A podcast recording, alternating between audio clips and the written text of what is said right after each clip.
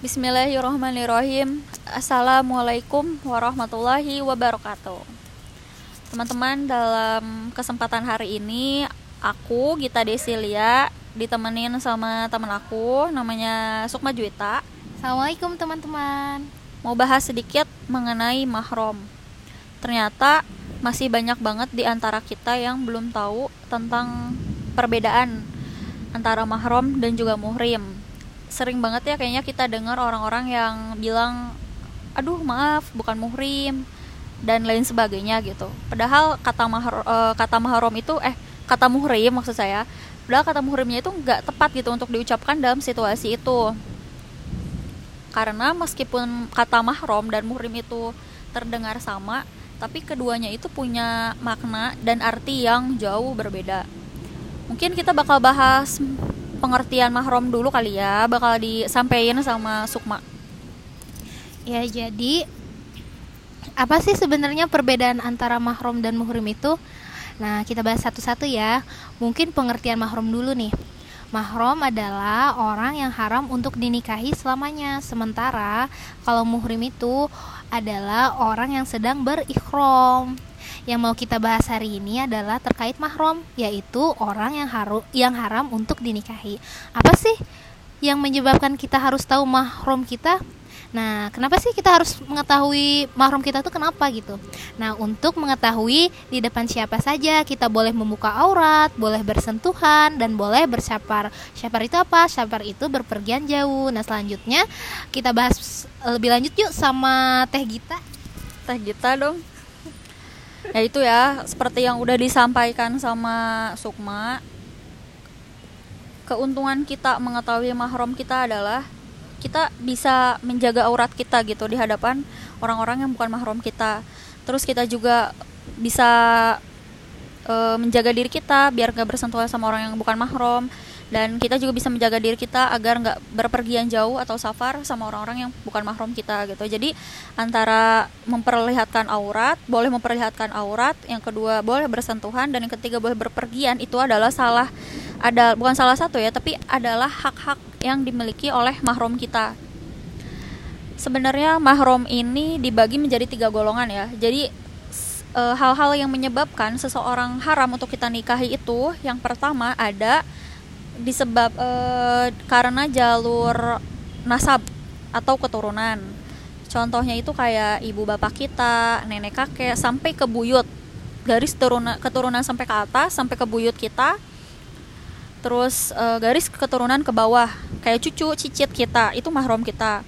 Terus kalau misalnya ke samping siapa aja sih? Ada kakak dan adik kita, itu mahram kita. Yang kedua, kakak dan adik dari orang tua kita, itu juga mahram kita tapi kalau misalnya kakak atau adik orang tua kita disebut apa sih? Ua ya? Ua atau bibi lah paman sama bibi. Iya. kalau misalnya mereka punya anak anaknya itu bukan mahram kita. Jadi mahram kita uh, stopnya di ua kita ya di ua atau paman bibi kita itu.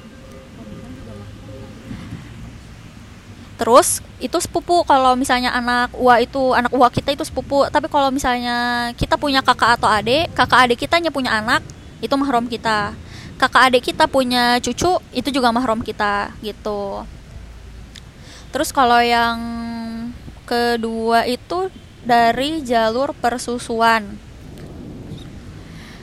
Kenapa sepersusuan itu bisa jadi mahram dan apa aja sih syaratnya seseorang bisa jadi mahram kita karena jalur persusuan itu ya? Yang pertama kita bisa jadi mahram sama seseorang apabila kita menyusu di satu ibu yang sama. Dan syaratnya itu harus lima kali menyusu sampai kenyang atau lebih. Terus uh, disusui di usia 0 sampai 2, 2 tahun. tahun jadi masih usia menyusu. Dan yang ketiga uh, ada perbedaan pendapat sih tentang yang ketiga ini. Yang pertama pendapat yang pertama uh, syaratnya itu si bayinya harus menyusu secara langsung ke si ibu itu gitu. Ibu yang menyusu itu tapi yang kedua uh, pendapat yang kedua ada juga yang ber berpendapat bahwa lewat botol juga itu bisa jadi mahrom tapi pendapat yang paling kuat itu yang pertama um, disusui secara langsung ya bukan lewat botol. Nah yang ketiga ada jalur perkawinan. Uh, ya sama Sukma ya. Nah, jadi kalau mahrum karena perkawinan atau pernikahan ini, contohnya itu kayak suami kita, mertua, menantu, anak tiri, ayah tiri. Nah, kalau suami itu dalam artian boleh melakukan sebagaimana yang dilakukan dengan mahrum bahkan lebih ya, teman-teman.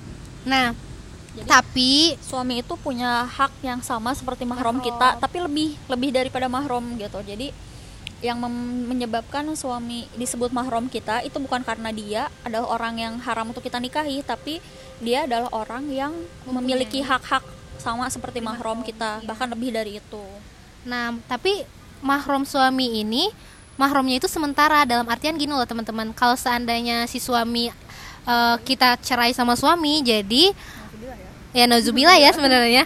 Jadi otomatis mahram mahram kita dengan suami itu udah hilang gitu. Nah, yang kedua itu mertua. Nah, kalau mertua ini walaupun na- nauzubillahnya ya teman-teman ya, walaupun nanti seandainya eh, sama suami kita atau sama istri kita bercerai Nah, tetap aja kalau yang namanya mertua itu sebagai mahram dengan syarat telah terjadi per- percampuran antara suami istri tersebut. Jadi telah, telah ada hubungan gitu loh maksudnya.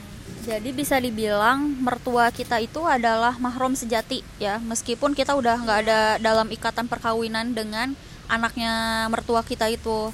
Tapi ya itu syaratnya kita sudah Menggauli lah. ya sudah ada percampuran gitu antara kita dan anak mertua kita itu dan suami kita itu. Tapi kalau misalnya kita menikah belum sempat ada percampuran di antara kita dan suami, suami kita eh, cerai atau apa nauzubillah ya Ya. cerai pokoknya misalnya cerai eh, si mertua ini jadi bukan mahram Iya. karena kita belum belum ada percampuran gitu dengan anaknya karena suami kita keburu cerai sama kita Iya. gitu nauzubillah ya kalau yang sampai cerai-cerai gini jangan sampai lah Jangan sampai ya teman-teman ya.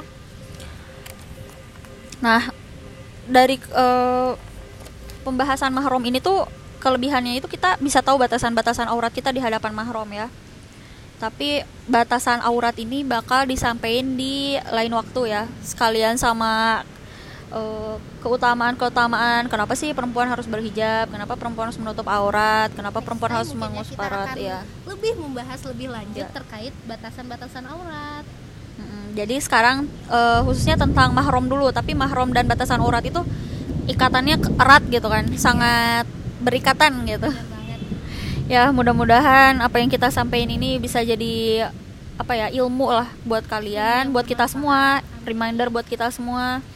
Mudah-mudahan jadi amal yang diterima Allah Subhanahu Wa Taala, jadi amal yang diridhoi lah Allah Allah Subhanahu Wa Taala ya. Mudah-mudahan ada manfaat buat kita semua. Iya.